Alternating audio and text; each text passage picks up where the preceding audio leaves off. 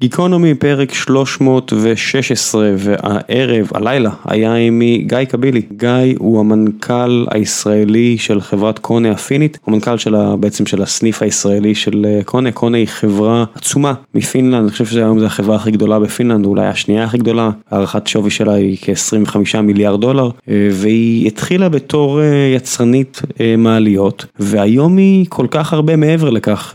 גיא בעצם הרחיב על הרבה מהדברים שהם עושים, ועל האתגרים אה, הטכנולוגיים והתפעוליים שעומדים בפניהם ועל למה אה, חכם שיש להם אה, נציגות פה בארץ כי יש פה סך הכל הרבה סטארט-אפים וגם אם מנסה להביא חלק מהסטארט-אפים האלה לתאגיד הגדול אז דיברנו בעצם על איפה יש עוד לחדש עם העליות ומה החלק של קונה ישראל בסיפור הזה. פרק מאוד גיקי, זאת אומרת גיקונומי נוצר מראש בתור במה לאנשים שמאוד מבינים בתחום מסוים וגיא מאוד מבין במעליות מתוקף תפקידו אז זה הפרק וזה מה ש... בשביל זה הגעתם אני מניח. ולפני שנגיע לפרק עצמו אני רוצה להזכיר לכם שיש עוד שני פודקאסטים במשפחת הפודקאסטים של גיקונומי גם בכל יום נתון שבו אוריאל דסקל אה, ועמית לבנטל וש... ושלל פרשני ספורט נהדרים אחרים מדברים על ספורט עולמי. אז בגלל קורונה אין כל כך ספורט עולמי אבל הם ממשיכים לדבר על מה שהיה ובתקווה על מה שיחזור ויהיה בקרוב. וכמובן ציון שלוש שבה אנחנו מדברים על אה, כדורגל ישראלי. אה, וכיוון שאנחנו בדרך כלל עושים שכונה אבל לא מדברים על כדורגל אנחנו ממשיכים לעשות שכונה. עכשיו גם שאין כדורגל, אז מסתדר לנו יופי. אה, מקליטים מהבית, כל אחד במצבו ההזוי יותר מהזוי פחות. ודבר אה, אחרון שאני אגיד לכם לפני שנעבור לפרק עצמו, אם אתם נותני חסות ואתם מחפשים שיתופי פעולה עסקיים, אז אה, להפתעתי, אני הייתי בטוח שהמספרים של גיקונומי ירדו, בגלל שאנשים פחות בפקקים, אבל לא ככה הדבר, נראה שגם החודש נגיע לאותם 120, 130, 140 אלף האזנות, אני מבטיח לתת לכם את כל המספרים אם רק תפנו ותשאלו, אני אשאיר לכם את... את האימייל שלי, אה, הרבה עסקאות התבטלו, אז יש מקומות פנויים, אז אם אתם רוצים, אה, הבמה פתוחה אה, להגיע לציבור מאזינים אינטליגנטי וצמא לידע, שהרבה מהם מועסקים בענפי ההייטק וההשקעות, אז אחלה אוכלוסייה לפרסם אליה. וזהו, זה מה שהיה לי להגיד לכם לפני תחילת הפרק, אז גיקונומי 316 עם גיא קבילי, מנכ"ל קוני ישראל, תהנו.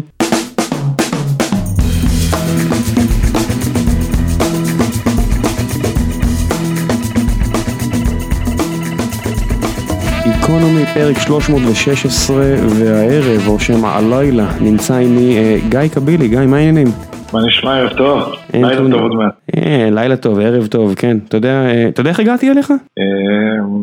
גיא רולניק אני חושב. כן, רולניק שמע אותך, ובדרך כלל שרולניק עולה מולי, בתקופה לפני שעצבנתי אותו כל כך, אה, הוא היה מספר לי רק דברים רעים על פייסבוק, זה היה רוב הדיונים שלנו בשנה, שנתיים, שלוש האחרונות, ופתאום הוא עולה מולי, אומר לי, תקשיב, שמעתי הערב איזה הרצאה, או הצהריים הרצאה על מעליות, אצל איזה מישהו, אתה חייב להביא אותו לפודקאסט. אמרתי, על מעליות? מה אתה קשור למעליות? הוא אמר, עזוב, עזוב אותך. זה, אתה חייב להביא אותו, אתה חייב לשמוע מה העתיד של מעליות. הנה, הגעתי אליך. יפה, יפה, נו. אז אה, אנחנו נצטרך להוציא אותך בסוף השעה שתבין שמעליות זה כבר לא מה שחשבת פעם, עולה יורד, זה משהו יותר אה, ככה מעניין.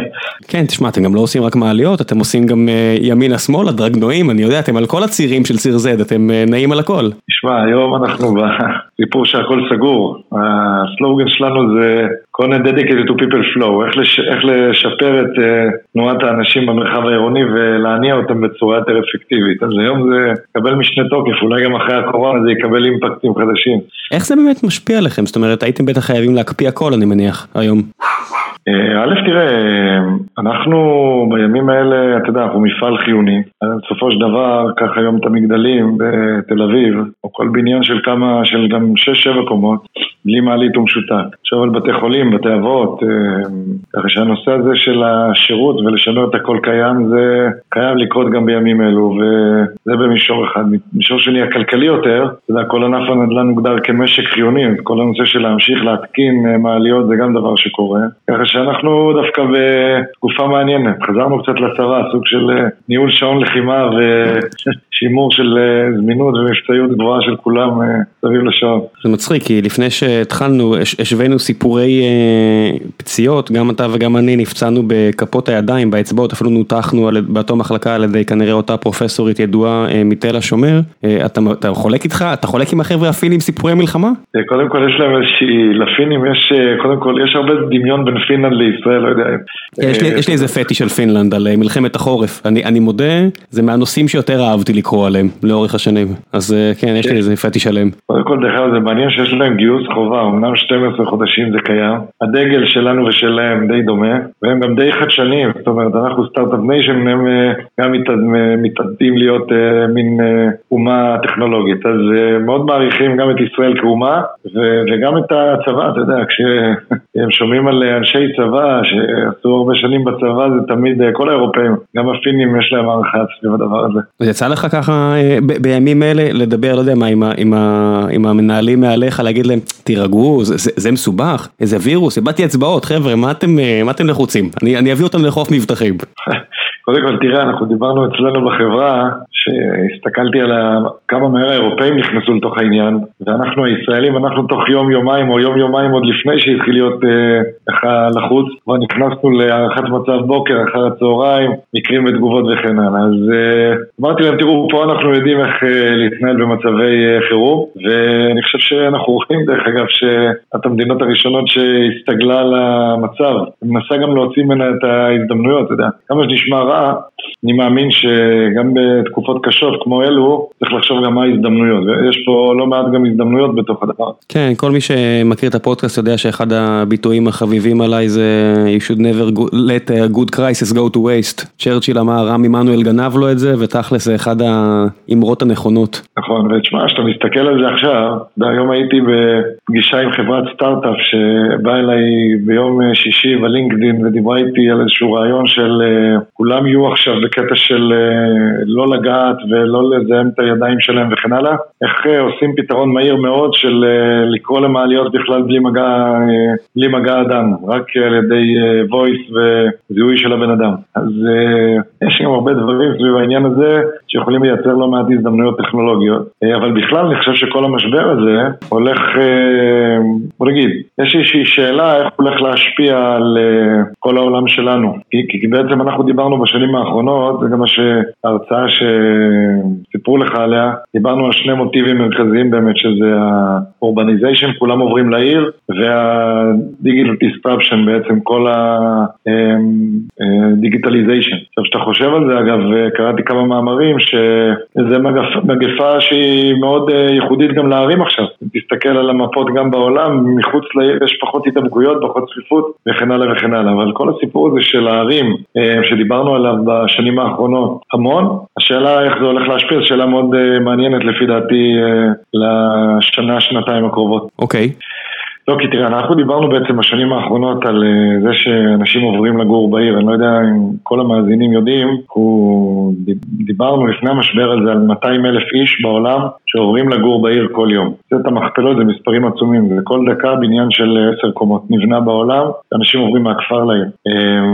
ואז אם אנחנו מסתכלים על, נגיד המגדל החדש של עזריאלי של 90 קומות, אתה מדבר על עשרת אלפים אנשים שיצטרכו להיכנס לבניין כמה פעמים ביום, להיכנס בבוקר, אולי לרדת לארוחת צהריים, לצאת אחר הצהריים, זה אתגר פקקי התנועה האנכיים. כן. עכשיו כשאתה חושב על מה שקורה, תראה, אני חושב שיש פה הזדמנות אדירה לתקף כל מיני הנחות יסוד של החיים שלנו אחרי המשבר הזה. בוא ניקח אפילו את הרעיון שלנו היום, הרבה מדברים על ה-life balancing, כולם אוהבים לדבר על זה, נכון? כל, אני מדבר על זה כמנכ"ל ואומר לאנשים, מי שלא יצא ביום שלישי, או פעם בשבוע הביתה, הוא פחות רלוונטי, תעשו את האיזונים האלו, אבל פתאום היום אנחנו במציאות, קבענו את הרעיון הזה בשעה כזאת, כי... כי החיים עצמם. ילדים, כן? כן, כי הילד צריך ללכת לישון, והחיים עצמם. נכון, אז השאלה היא, אז אנחנו פתאום מצליחים עכשיו, חלק גדול מהעובדים שלנו, לאזן בין להיות uh, כמעט כל יום כמה שעות עם הילדים לבין העבודה ומצליחים.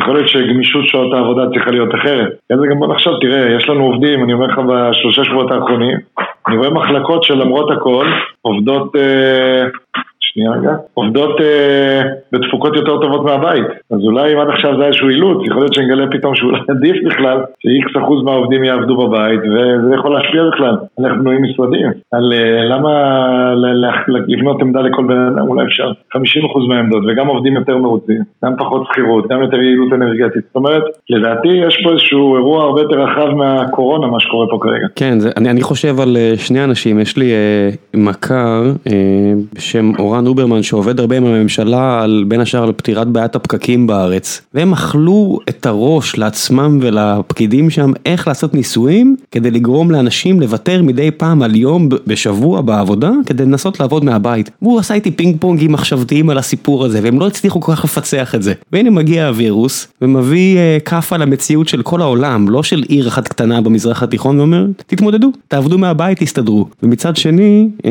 חבר אחר שמוביל את המחלקת חדשנות בסילברסטין, אה, ענק אה, נדל"ן ניו יורקי, והם רק בונים כמוכם, או מתעסקים כמוכם, רק בעניינים נורא גבוהים, והוא רק אומר לי, יש כל מיני בעיות, שאתה בכלל לא חושב עליהם, כשאתה לא מתעסק עם עשרת אלפים אנשים, עשרים אלף אנשים שקשורים לקומפקס בבניין, כמו למשל המעליות, מה קורה עכשיו אם אתה צריך לחכות עשר דקות למעלית, או לכל מיני דברים כאלה, ואז נכנסים חברות כמו קונה, אני מניח. נכון, נכון, ותראה, כשאתה חושב על זה, סילברסטין הם בונים הרי בתאומים שם.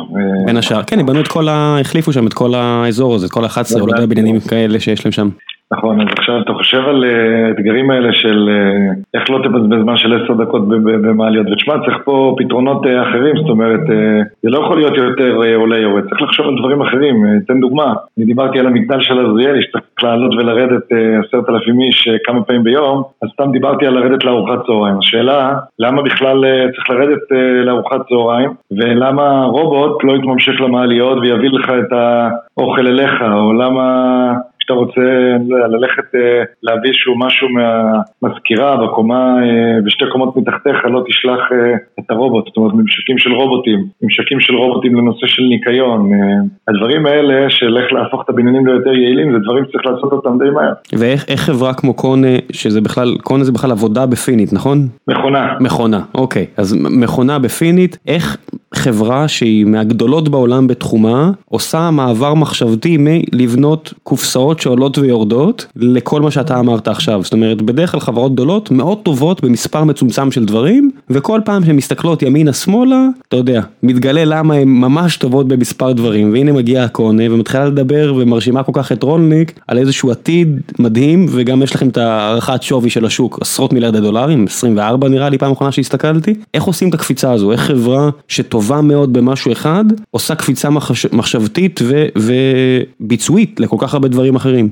אני אגיד לך, אתה יודע, שמעתי את שר הביטחון מדבר שבמציאות הזאת לפתור את הקורונה צריך לחשוב ולהקשיב לכל מיני אנשים שהם לאו דווקא מה שנקרא בסכמה של קבלת ההחלטות. מדענים, אנשי עסקים, עוד יש הרבה דעות. אז זה די מעניין לחשוב איך קונה עושה ממה שנקרא חברה מסורתית לחברה חדשנית. זה הרבה מה שנקרא innovation collaboration, זאת אומרת להחליט שאתה עובר ממוצר מאוד מאוד סגור לקוד מאוד מאוד פתוח, שאתה מזמין הרבה מאוד אנשים לעזור לך לשפר את התנועה של האנשים במרחב העירוני. זאת אומרת, עד לפני כאילו שנה דיברו על מעליות כדבר שהוא צריך להיות מערכת טכנולוגית מאוד סגורה ואבטחה וכן הלאה וכן הלאה ובעצם כשהשקנו את הפלטפורמה הדיגיטלית שלנו, מה שאנחנו קוראים DX, Digital Experience, ואגב אנחנו השקנו את הראשונים בעולם פה בישראל, הקונספט הוא, אנחנו פותחים לכם את הפלטפורמה ותביאו לנו פתרונות שיתממשקו לדבר הזה. זאת אומרת, אתה מבין פחות או יותר על מה אני,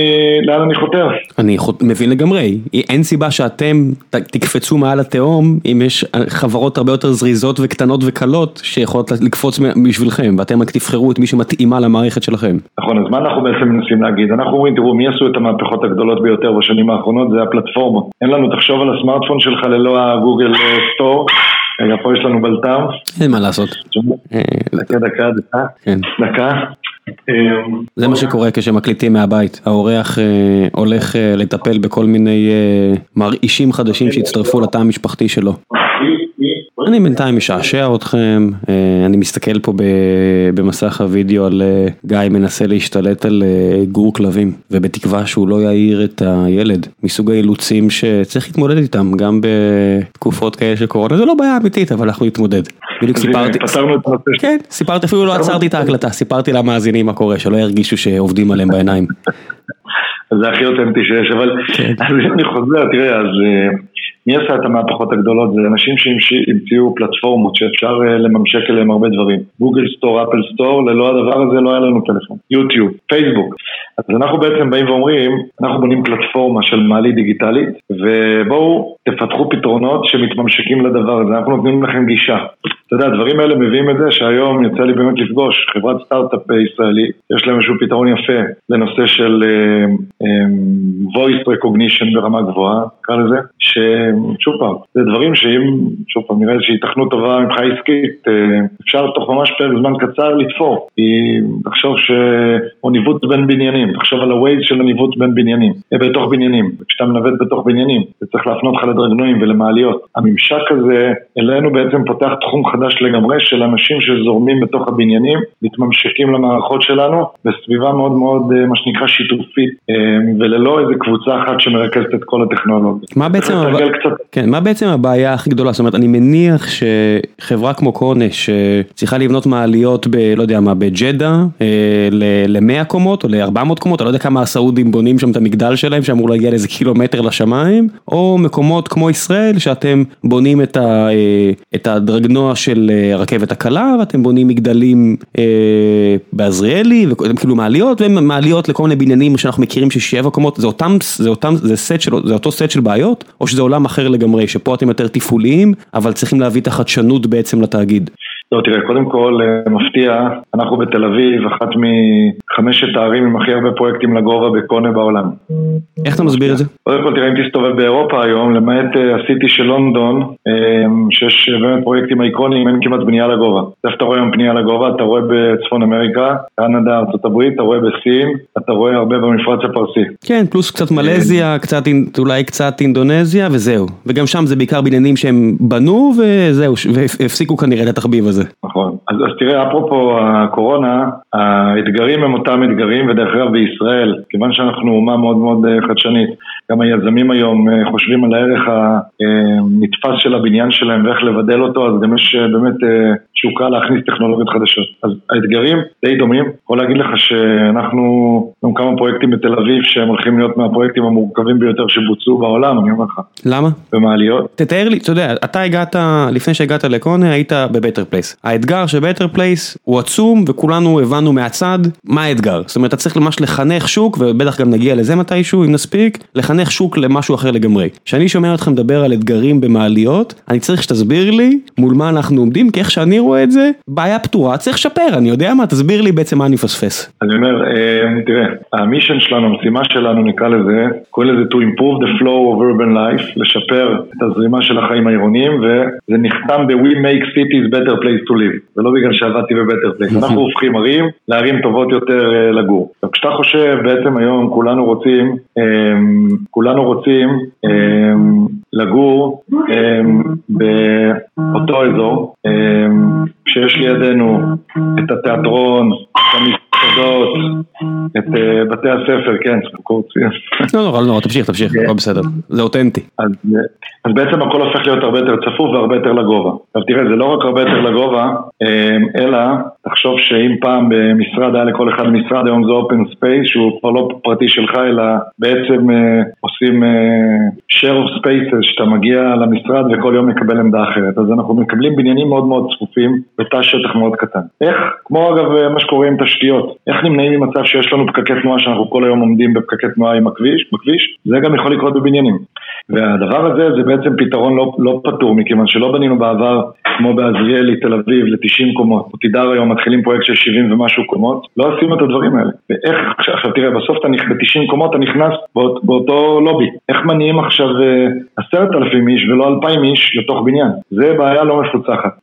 זה בעיה רק, זה, זה רק עניין האלגוריתמיקה? זאת אומרת, זה רק עניין לפצח תזמונים של מעליות עולות ויורדות, או שיש כאן גם בעלי, בעיות מכניות אה, ומורכבות ברמה הזו, שצריך לפתור? תראה, זה קודם כל לבוא ולקחת את הבניין ולחשוב מבעוד מועד מה הולך להיות בבניין ולחשוב על התכנון האופטימלי. תן דוגמה, אם אתה בונה בניין של 90 קומות ואתה תגרום, אנשים יצטרכו להגיע לקומת הקרקע כדי ללכת לאכול בצהריים, להבדיל אם תפזר שניים או שלושה לא באים ממסעדות במהלך הבניין, אז זה שני דברים שונים, אז זאת אומרת זה תכנון מקדמי מאוד מאוד משמעותי. זה אלגוריתמיקה, לראות באמת שאתה עושה אופטימיזציה, מערכות שעושות אופטימיזציה ולומדות את עצמם כל הזמן, וגם במכניקה, איך אה, להשתמש באמת בשטח בצורה נכונה, לדוגמה, אנחנו בתל אביב הולכים לבצע פרויקט של מעליות דאבל דק, שזה בעצם, תחשוב ששתי קבין, שתי תאים של מעליות שני תאים, אחד על השני, שבעצם בתוך פיר אחד שתי מעליות נוסעות ביחד,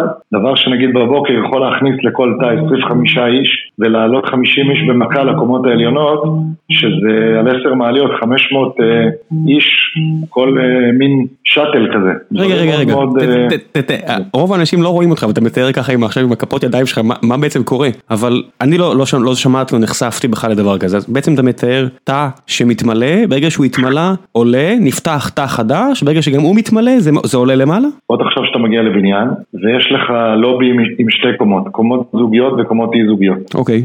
תחשוב, תחשוב שבעצם אנשים של הקומות הזוגיות מגיעים uh, למטה, ואנשים של הקומות האי זוגיות למפלס העליון, וזה שני תאי מעליות שמחוברים אחד לשני, מעמיסים ביחד, כמו שני קרונות של רכבת שמחוברים אחד לשני, נכנסים לסיפון העליון ולסיפון התחתון, אוספים uh, אנשים, נגיד, לקומות עוקבות, קומה תשע וקומה עשר, וזה פשוט עולה ביחד עם חמישים איש. זה, זה דברים uh, שבעצם uh, מכפילים כמעט את התנועה בבוקר. זה משהו שקיים במקומות אחרים? הדבר הזה קיים בכמה מקומות בעולם, זה לא במאות, זה עשרות פרויקטים כאלה שיש בעולם. אנחנו כיום ברחוב הארבע בפרויקט שנקרא לנדמרק של מליסרון ואפריקה ישראל, אנחנו שמה, זה יבוצע בפעם הראשונה בישראל. ומערכת מאוד מאוד מורכבת שמגיעה פה לישראל ונראה אותה גם בעתיד בפרויקטים נוספים. מי, אתם מביאים מהנדסים שכבר עשו את זה במקומות אחרים כדי לעשות את זה גם כאן, או שאנשים שהיו אחראים על פרויקטים של בינוי ותכנון של מעליות פה בארץ עם הפיר של, לא יודע, תא אחד וכל הבעיות שהכירו,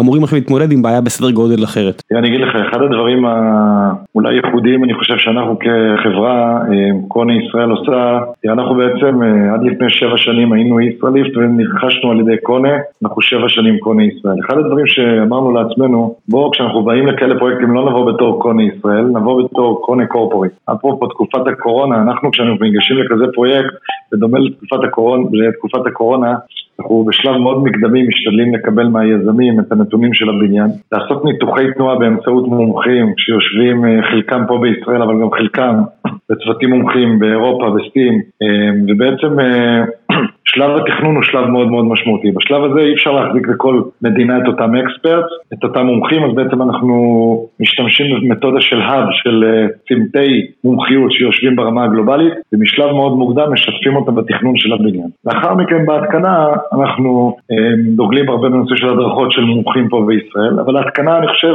תראה, המכני הוא פחות אה, מורכב, בסוף אפשר ללמוד את זה. ברגע שאתה מתכנן מקדמית, אתה מגיע לרמת ביצוע מאוד מאוד גבוהה. יש דברים ש... שקורים קורים ופתאום מכריחים אתכם לחשוב מחדש, אני יודע למשל כמו בתל אביב שקרה פה אה, הטרגדיה היא לפני מספר חודשים כשאותו זוג אה, טובע בתוך מעלית, זה מסוג הדברים שאתם בתור אחת מארבע יצרניות, לא יודע, היחידות בעולם או הכי גדולות בעולם מסתכלים על זה ואומרים, או-או, רגע, אנחנו בכלל ערוכים לדבר כזה, זה משהו שאמור לקרות, שאנחנו מתמודדים עם דבר כזה, אה, איך, איך אירוע כזה למשל משפיע על שלב התכנון שאתה תיארת עכשיו? תראה, זה אירוע בטיחותי ותראה, אנחנו בעולם המעליות מנסים לומר שאנחנו משתדלים להיות בסטנדרט בטיחות של עולם התעופה, שבגלל שיש לנו ילדים ומשתמשי קצה שבאמת כל תאונה היא צריכה להיות, אה, היא, היא, היא מיותרת, צריך לשאוף לאפס תאונות, ודאי שכזה אירוע נלקח בחשבון. היום יש לנו פתרונות של למשל חיישני ציפה, שברגע שיש, כמו שהיה בפרויקט הזה, מצפת של מים בגובה מסוים, בקומה התחתונה, מעלית אוטומטית, תעלה למעלה ותעצור, דברים כאלה קיימים. אבל זה, זה אתגר בטיחותי.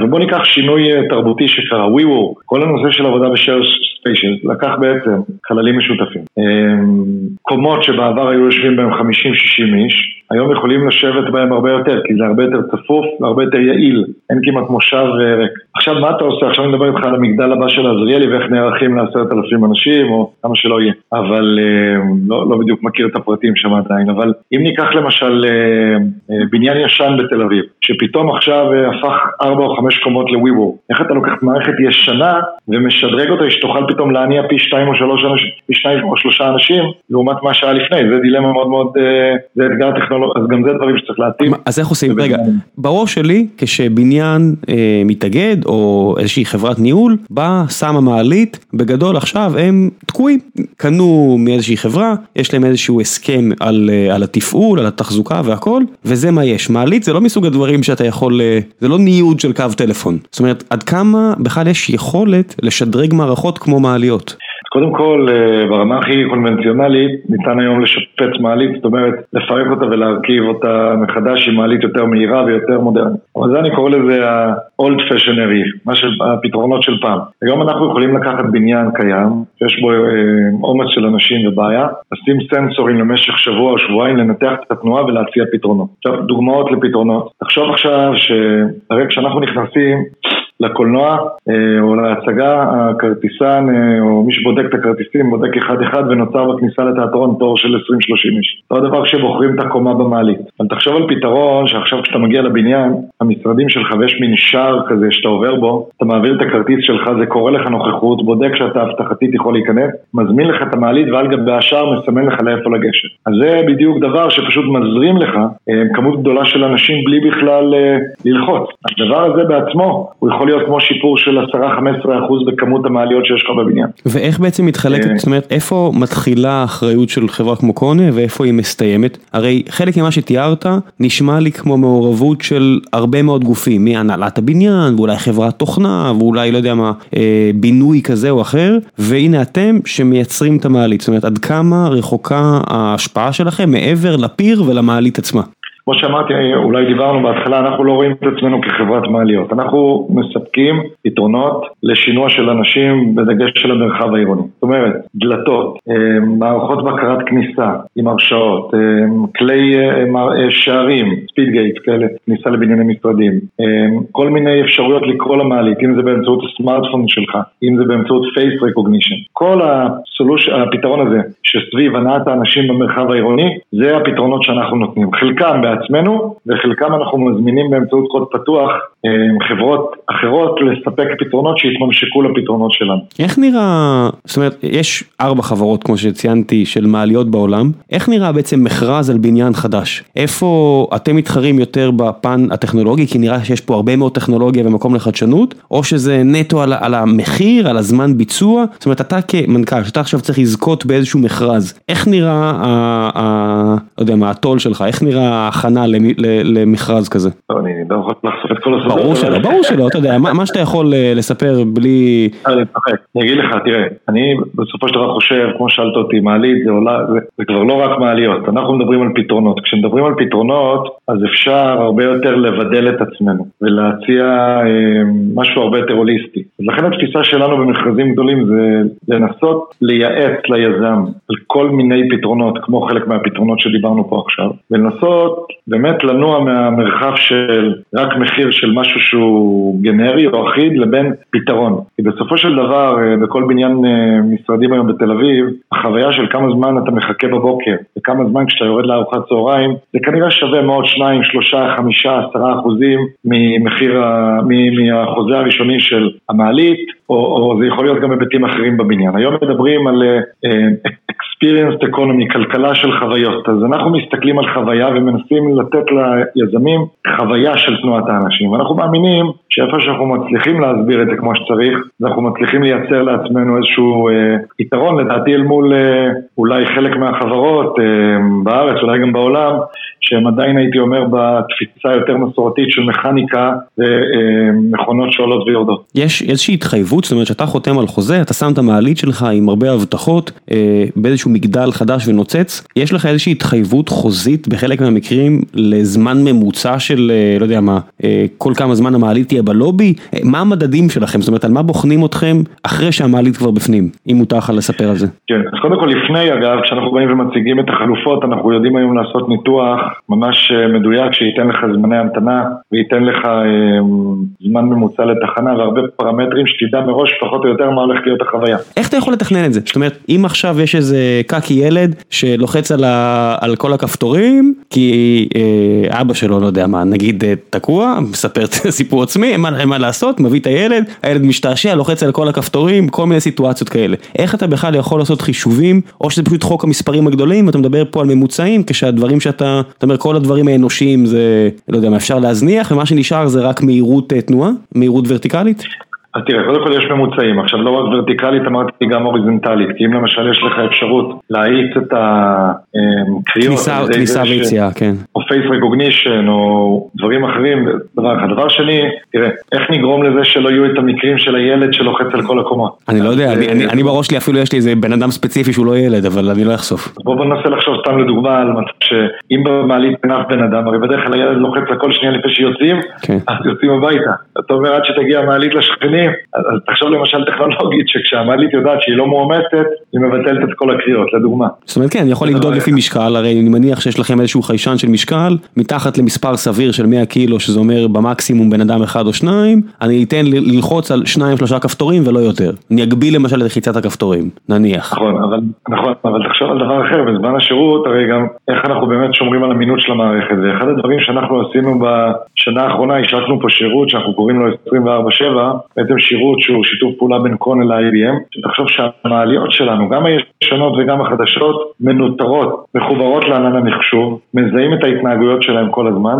ואנחנו בעצם מנסים לעשות החזקת uh, חזויה או Predictive Maintenance, לזהות את התקלות לפני שהן קורות. זאת אומרת, זה כבר uh, מהפכה. כשאתה מדבר איתי על מקרים בלתי צפויים, זה יכול להיות ההתנהגות של הילד, זה יכול להיות תקלות, איך אנחנו צופים בדברים האלה 24/7 ובצורה פרואקטיבית, אם זה מרחוק, אם זה על ידי שירות פרואקטיבי, פשוט מצמצמים את הדברים האלה כמעט לאפס. נ... זה בעצם ההווה וגם העתיד. נראה לך שיש, אה, אתה יודע, אחד האורחים שהיה פה בעבר והוא חבר ואני מקווה שאולי הוא מאזין לפרק הזה כי אולי זה יביא לו רעיון, בחור בשם אור אילץ' שהחברה שלו סקיילן AI מנסה אה, להבין אה, מחירי נדל"ן על בסיס מאות פרמטרים, באמת מהטובים בתחומם אה, בעולם היום. מנסה לחשוב אם יש קורולציה בין איכות המעלית בבניין למחיר של הנכס, זאת אומרת אה, מחיר פר מטר ב...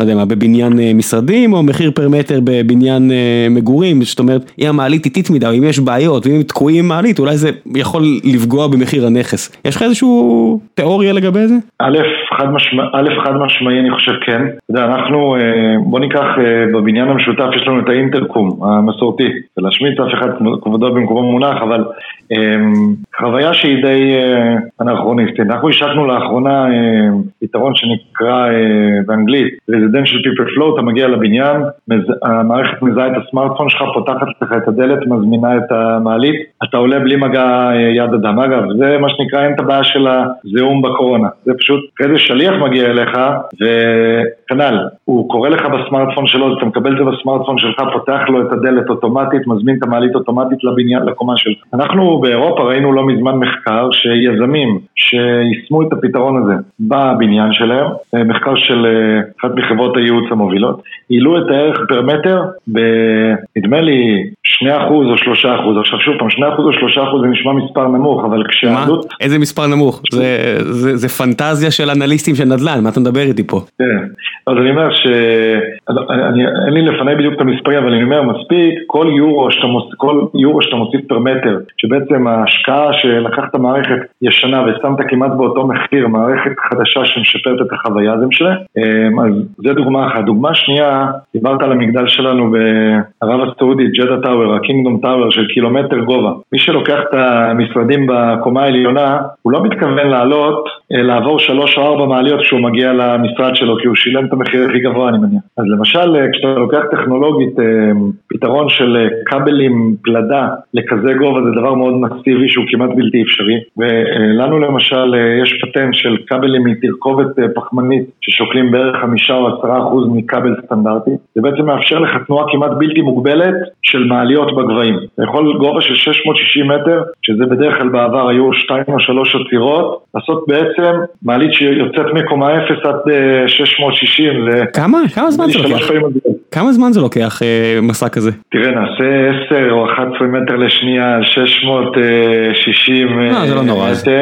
אם זה 10 לא, מטר בשנייה, זה לא נורא, זה דקה וחצי ואני בגובה העננים. נכון, אז לשאלתך ממש כן, ממש האפקטיביות של תנועת האנשים בתוך הבניין מאוד מאוד משמעותית. מאוד מאוד משמעותית. אני רק שומע אותך מדבר, ואני באמת יש לי פה, כאחראי טכנולוגי של חברה, יש לי ממש צמרמורות מהמחשבה על הסיכוני סייבר סקיורטי שאתם מתמודדים איתם. זאת אומרת, שמעליות היו משהו מאוד אה, מכני וסגור, רק אתם יכולים לפשל, ואף אחד לא באמת, אתה יודע, כל פעולה אחרת זה קצת פעולה של טרור. עכשיו אתה מדבר איתי על מצב שבו השליח, הטלפון שלו מתממשק אליכם, ואני רק אומר לעצמי בראש, יאו ערדי, יש פה סיכונים מפה עד הודעה חדשה. כן, זה נכון, אבל אתה יודע, זה מזכיר לי שנחג על העבר הצבאי שלי, כשהתחלנו עם כל המפות האלה הדיגיטליות בטנקים ובנגמשים, אז כולם אמרו רגע לשמור על המפות עדיין, כי כי מתקלקל, כן. היום לדעתי הם ייקחו את המפה, אני לא יודע מה יקרה, אבל ייקחו את המחשב, אני לא יודע,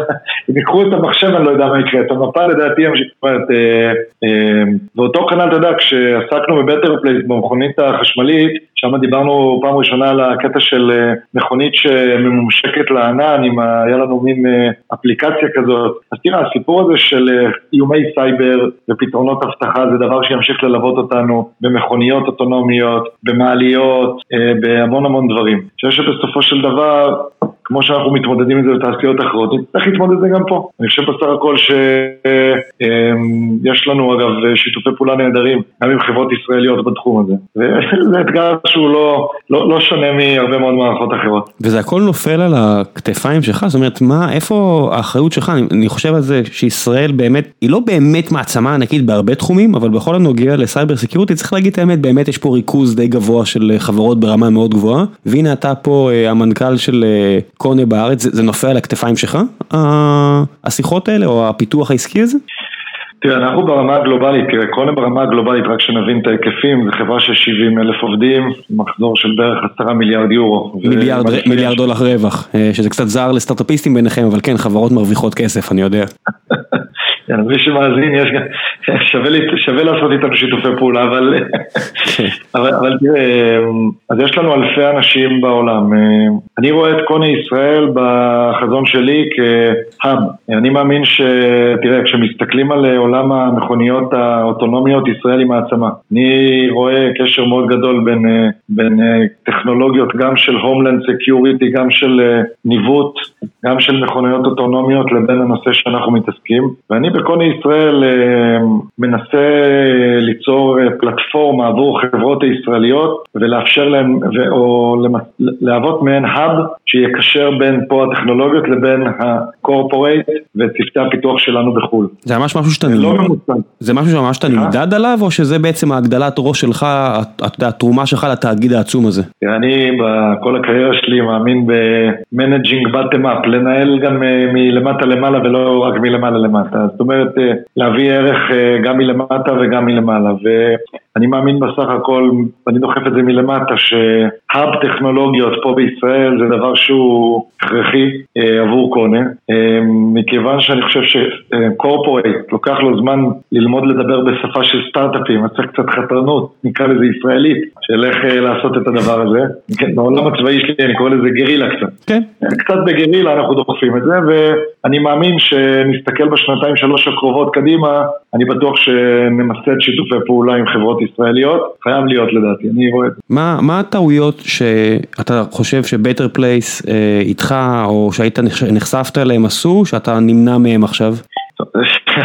זו שאלה לעוד תוכנית, אבל תראה, אני אגיד לך, קודם כל תראה, Better Place זה בעצם חברה שהביאה איזשהו vision מאוד מאוד גדול, שאולי הפעם הראשונה לא הצליחה, אבל אנחנו רואים את היסודות של עולם הרכבים האוטונומיים והרכבים החשמליים, אולי גם התחילו מהחברה הזאת. תראה, טעויות... שגיאות הייתי אומר. תמיד, תמיד, גם עם רעיונות גדולים צריך לשמר רגליים על הקרקע. אני תמיד אומר, זה גם מהצבא. הראש צריך להיות בעננים באסטרטגיה, אבל רגליים בקרקע, זה הניהול של, לדעתי, מנכ"לים בעולם המודרני. ו... ואני חושב שזה דבר אחד. דבר שני, תראה, צריך גם להיות ספקנים אה, ובאמת כל הזמן לעשות, אה, אני קורא לזה איפכא מסתברא. לחשוב גם, אה, יש לי פתרון מאוד טוב, אבל גם, גם מה יכול להפיל אותו. אני חושב שבסך הכל ב Better Place היה לנו רעיון מדהים. אני חושב שאולי מהר מדי אימצנו אולי על איזה גינונים של corporate. פחות אה, סטארטאפיסטיות, זריזות, מהירות, אה, קצת אולי אה, חוסר בספקנות ולבדוק את עצמנו ובסופו של דבר זה לא הצליח, אבל... יצא לכם לעשות בשלב מסוים איזה post mortem ככה, אתה יודע, בחבר המנהלים של החברה, לשבת כאילו אולי בכמה שנים לאחר מכן, או לא יודע מה, על ראש שקט ובלי רגשות ולנסות לחשוב מה בעצם היו הטעויות, או שדבר כזה הוא לוקסוס שלא קורה בחברות בגודל כזה? תראה, ההידרדרות ב Better Place הייתה מאוד מהירה, זה, זה ככה במפגשי חברים עשינו את הדברים האלה. אני חושב שזה, שוב פעם, בעיקר אמ, איך אה, אה, להיות סטארט-אפ באמת, למרות שכבר היינו חברה של מאות אנשים. ותראה, היום כשאנחנו מסתכלים, אתה יודע, אמ, על כל מה שקורה, מהירות, הרי חברות שהיום מצליחות במשבר הקורונה זה חברות מהירות מאוד וגמישות מאוד. כבר אי אפשר לעשות אה, תוכניות לשמונה שנים קדימה וכל חצי שנה לעקוב. צריך להיות מאוד מהירים, מאוד ערניים למה שקורה מסביב. מאוד, מאוד, מאוד תגובתיים. אני חושב שבעניין הזה היינו מעט מעט אה, איטיים ומעט מהר מאוד אימצנו את אה, גמני הקורפורט הגדול, דבר שהוא מאוד קשה לדעתי כשאתה רוצה לפרוץ עם טכנולוגיה חדשה. כן, אני, אני רואה מהצד, אה, או קורא לפחות כמה שאני יכול על קרוז ועל טסלה, ומדהים אותי שחברות שלקחו כזה אתגר, והם בגודל כל כך גדול, ועם תקציבים כאלה גדולים וכל כך הרבה כוח אדם, עדיין מצליחות לדלבר, כאילו לתת כל, כל כך הרבה... הרבה תוצרת, זאת אומרת, אנשים מזלזלים בהישג הזה של החברות האלו, לוקחים את זה טיפה כמובן מאליו, את האתגר הלא נתפס שחברות כמו קרוז וטסלה מתמודדות עמו, החינוך שוק הזה ש Better Place לקחה את האתגר, אז, אז לא הצליחה, אבל אה, אתה יודע, הסיכויים היו נגדכם, צריך להגיד את האמת, כמו שהסיכויים נגדם ואיכשהו הן מביאות, מביאות בראש, ותמיד אני מסתכל מהצד ואני אומר, אנשים לוקחים את זה כל כך כמובן מאליו. אבל תראה, אתה יודע, זה דרך אגב, אני עכשיו בחוויה דומה עם מה שדיברנו, digital אקספיריאנס, המעליות שמהוות פלטפורמה דיגיטלית שאפשר לממשק אליהם דברים. השקנו את זה באילת לפני כמה חודשים, באמת עשינו קמפיין מאוד רציני, ואני חושב כל מי שהיה בעיר הנדל"ן, של מרכז הבנייה הישראלי, 5,000 איש יעשו מהשלושה ימים עם האמירה DX. הרבה אנשים אמרו כמה זמן זה ייקח וכן הלאה וכן הלאה. אני רואה את זה קורה בשנים הקרובות. עוד אה, שלוש או ארבע שנים בניין שלא יוכל להתממשק לרובוטים, מעליות שלא יוכלו להתממשק לרובוטים, זה יהיה בניין פשוט שיהיה לו בעיית ערך, הוא יצטרך לעשות שדרוג. אז אני אומר, בנושאים האלה, אני חושב שסטארט, אה, שקורפורייטים או חברות צריכות אה, באמת להיות עם מספיק אומץ, לחשוב גם על עוד שנתיים שלוש קדימה. לא להסס אגב, יכול להיות שגם מה שאני אומר זה שטות מוחלטת, אז לא להסס גם מלעשות טעויות, ובאמת כל הזמן להיות. קשוב למה שקורה מסביב ולהיות מסוגל לשתף פעולה ולהתאים את עצמך למגמות שקורות מסביבך. בוא נעשה קצת שאלות מהקהל. אה, אה, אורי שואל, אה, כל השאלות מגיעות מפורום החיים עצמם של גיקונומי בפייסבוק, יש פה איזה 7,000 אנשים מהמאזינים היותר אדוקים של הפודקאסט שגם משאירים שאלות, כל יום אני משאיר, לפני כל פרק אני משאיר את זהות האורח כ-24-48 שעות לפני, אז בוא נעשה קצת שאלות משם. אורי היקר שואל, הכי מוזר אבל גם מרתק אותי מאוד, האלגוריתם של הקצאת מעליות. יש לכם אנשי פיתוח רק עבור זה? האם אתם מערבים תורת המשחקים? יש אופטימיזציה שהיא גם חברתית ולא רק תפעולית? תמיד ריתק אותי באופן מוזר איך כל יצרן מגבש את המודל שלו להקצאת מעליות והאם יש תקן לדבר הזה? קודם כל שא' יש סטנדרט שבאמצעותו אתה מודד את רמת ה traffic, ב' תראה זה בסוף grouping, אה, קבוצות, אה, זו התשובה לאורי, זאת אומרת אה, מגיעים אנשים בבוקר, במודל הישן, אנשים נכנסים אקראית ויכול להיות שכל שמונת המעליות יעצרו בכל קומה. פה בעצם כשאנחנו בוחרים קומות זה בעצם אוסף קבוצות של אנשים לתוך מעלית, כל מי שרצה בפרק זמן של החצי דקה האחרונה קומה מסוימת וישימו אותו באותו תא, זה באמת אופטימיזציה, זה דבר אחד, ודבר שני, זה מערכת לומדת, היא כל הזמן חשה את הבניין ומשפרת את עצמה. זאת אומרת, זה בהחלט אלגוריתמים של, אה, אה, אה, של, של לומדים את עצמם כל הזמן, ו... ומשפרים את עצמם כמו, כמו מערכות אחרות שאנחנו מכירים. אה, עמרי מטר המשיך את השאלה של אורי ואומר אה, אומר בהמשך לשאלה ההיא, במגדלים זו אכן בעיה מסובכת, אבל במבנה משרדים נמוכים יחסית הפתרון היעיל הוא פשוט להחזיר את המעלית ללובי או לחנייה בבוקר ולהשאיר אותה גבוה במרכאות בערב. למה זה לא קורה? האם זה באמת הפתרון האידיאלי?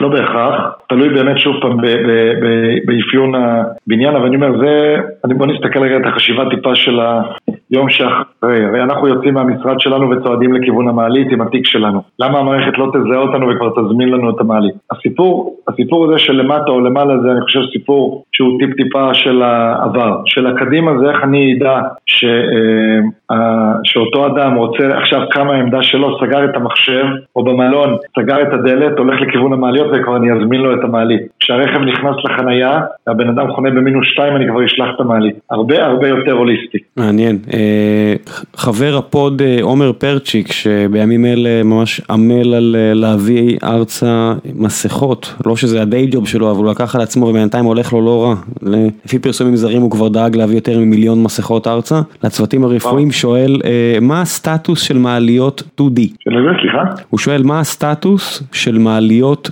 2D, שני, שני ממדים, אני מניח שהוא מתכוון מעליות שנעות גם בציר המאוזן ולא רק במאונך. כן, כן. זה פיתוח אגב לא של, אה, שכרגע מי שהצהיר אותו בעולם זה התאגיד אה, טיסנקרופ, שאנחנו מכירים אולי מהצוללות, אה, שנמכר, חטיבת המעליות שלו נמכרה לאחרונה. זה דבר שמדברים עליו בתעשייה, prototype ראשונים או נקרא לזה מוצר ראשוני, מדברים שיהיה באזור 2024-2025. אני לא יודע להגיד במאה אחוז האם זה הפתרון המוביל, אבל זה בהחלט פתרון מאוד מאוד מעניין שיצטרך להיבחן, כי הוא באמת משנה לגמרי את העולם הזה אם הוא יצליח. יש להם פטנט על זה? זאת אומרת, יש הרבה פטנטים אני מניח בתחום כמו שלכם? יש פטנטים, אמ, דיברנו על כמה תוך כדי, אמ, אז אה, בנושא הזה אני לא משוכנע במאה אחוז שיש להם פטנט, יש להם בוודאי חלק מהרכיבים. אבל תראה, זה דבר שבסופו של דבר יכול לעשות מהפכה בעולם המעליות. עכשיו שעכשיו אם דיברתי על אה, פיר של מעליות, אני יכול להכניס עשרה, עשרים תאים שנוסעים שם ופשוט אחד עוקף את השני. כמו, זה דבר שישנה לגמרי את אה, תנועת האנשים בתוך הבניינים. דבר מאוד מעניין, בוא נגיד, הגם שזה לא כרגע מובל על ידי החברה שלנו בעולם, בהחלט דבר מעניין שצריך אה, לעקוב אחריו. אוקיי, בוא נעשה עוד איזה שתיים, שלוש שאלות לפני שניפרד. אוהד ישראלי שואל, מבחינת יעילות אנרגטית עלות תחזוקה לאורך שנים, מה הגובה או מספר הקומות הכי מומלץ למבנה מגורים? גבוה יותר זה טוב יותר? תראה, בסופו של דבר היום העולם, העולם הולך לגובה, אנחנו רואים בישראל, גם יש לי עכשיו בנתיבות פרויקט של כמעט 30 קומות, בבת ים 40 קומות. אה, אני חושב שבסך הכל אה, אין הבדל אה, משמעותי בסופו של דבר מבחינת החזקה של מעליות. אני חושב שהסיפור הוא באמת למצוא פתרונות שיהפכו את המעליות ליותר אקו-אפישנסי, יותר ירוקות, יותר מחזירות אנרגיה לרשת, אבל, אבל בסך הכל אני מניח שיזמים ירצו לבנות כמה שיותר לגובה. אני חושב שיש לנו פתרונות מצוינים איך לצמצם עלויות ולתת מבנה עלויות גם סביר בשירות, גם בבניינים גבוהים מאוד. בני שואל שאלה שאני מניח שהרבה אנשים ששמעו עד עכשיו את הפרק חושבים לעצמם, אומר איך זה יכול להיות שיש כל כך מעט חברות מתחרות בתחום, הרווחיות נראית עצומה אה, ונראה שהרבה מהבעיות כבר מוכרות ופתורות או פתורות למחצה. זאת אומרת, איך יכול להיות שהעולם נשלט על ידי ארבע תאגידי על, כמו שציינו, אה, ואין, לא יודע, מה עוד חברות אמריקאיות שמתחרות בכם? זאת אומרת, יש כל כך הרבה בשר בסיפור הזה, איפה, איפה כל, ה, כל התאגידים האמריקאים שינסו לזנב בכם? א', יש לנו את אוטיסט, שזה חברה אמריקאית, אם מתחרה יש לנו שינדלר שוויצרי. יש חמש או שש חברות, יש עכשיו גם כמה חברות במזרח כמו אה, מיצובישי ביפן, או שנגחאי מיצובישי בסין, או טושיבה, או יונדאי, זאת אומרת, יש קצת יותר, אני חושב שיותר נכון להגיד שיש אה, פחות אה, עשר חברות היום, אה, mm, לא okay. כולם עובדות בכל העולם. יש עוד מקום לאחרים, ותראה, אנחנו מאמינים בתחרות, אה, ככה נוכל לבדל את עצמנו יותר טוב, אז ככה שנשמח שיגיעו עוד, אה, ונשתדל כל הזמן לתת פתרונות כמה שיותר אה, מעניינים ולהביא ערך אוקיי, okay, בהמשך לדעות, לשאלה הזו, חי אה, שואל, ותגיד לי על מה מדובר כי אני מודה שאני לא מכיר, אה, אשמח לשמוע התייחסות על הטענה לקרטל בין חברות המעליות בישראל. אם אתה יכול להתייחס על מה מדובר, מה הטענה ומה התשובה.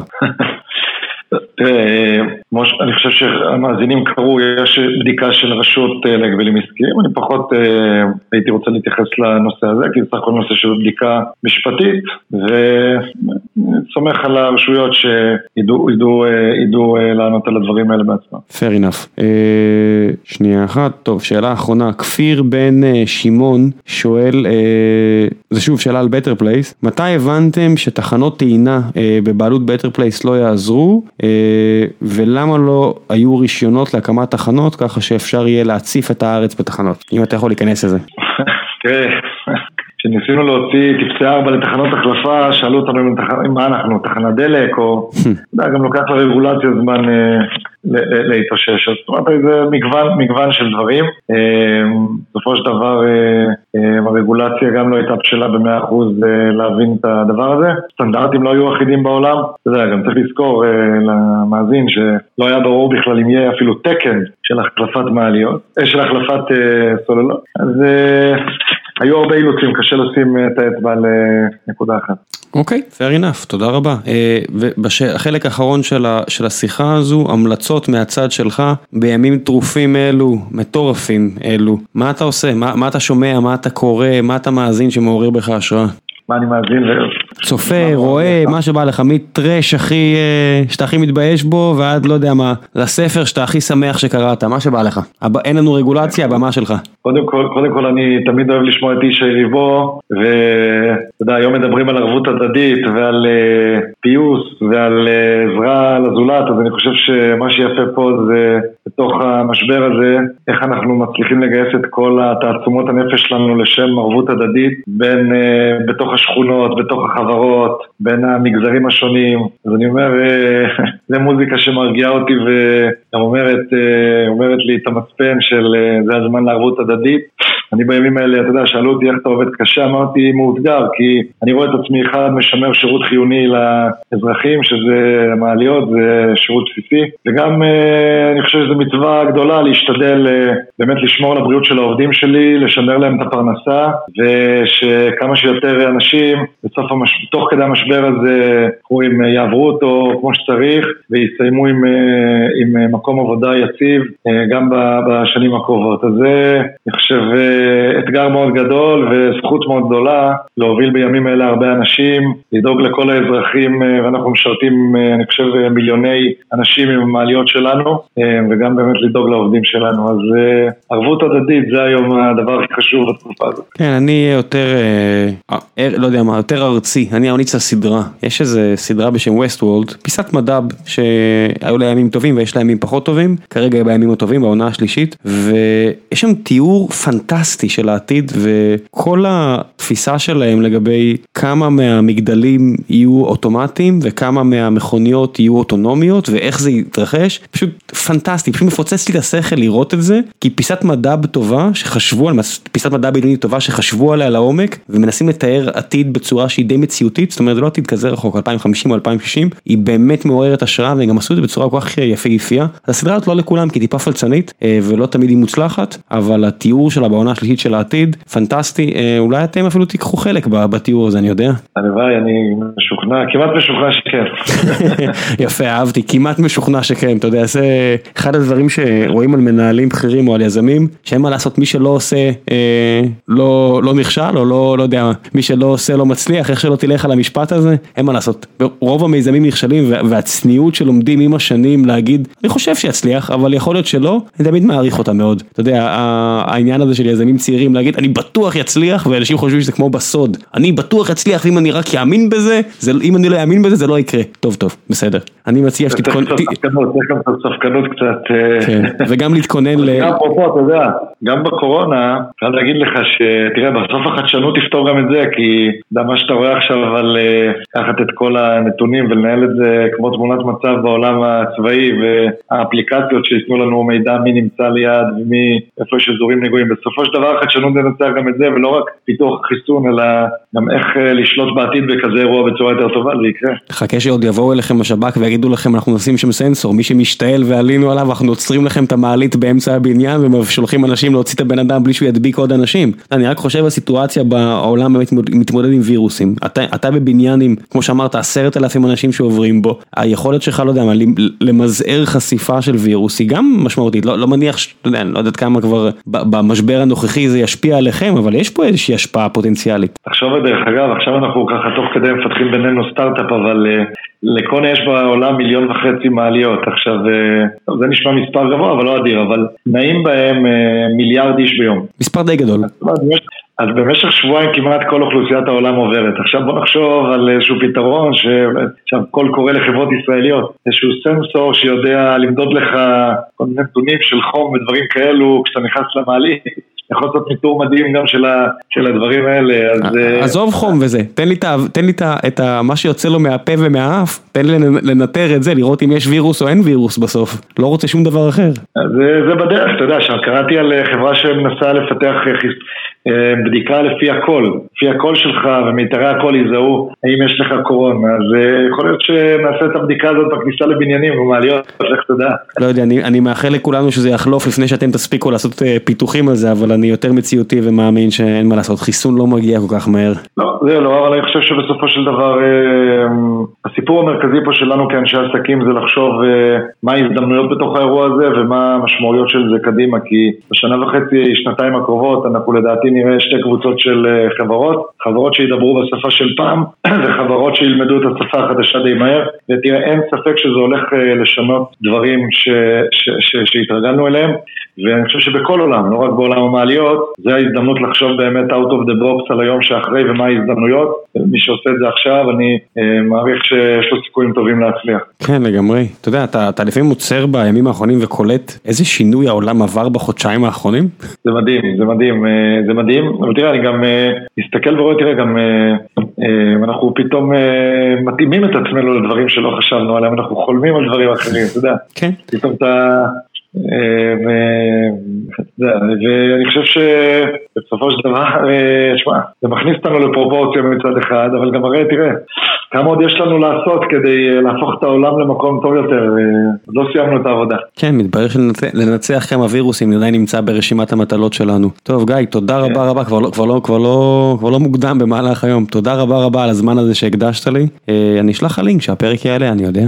תודה רבה, נעמת לי מאוד, ובכיף, אני מקווה שככה היה תוכנית מעניינת לך ולמאזינים. אני בטוח ש... ואני מקווה שגם כולנו נצא מהמצב הזה בכיף, ונוכל לדבר בפעם הבאה עוד שנה על ההזדמנויות ש... איך אומרים, מימשנו כפועל יוצא ממה שקרה פה עכשיו, ובעזרת השם שכולנו נהיה בריאים. המשרדים שלנו בצד העני של רחוב הארבע, אני, אני ארד לצד העשיר של רחוב הארבע ואני אעלה באחד המעליות שלכם ואני אגיד לך איך היה. יאללה, ביי, לילה טוב.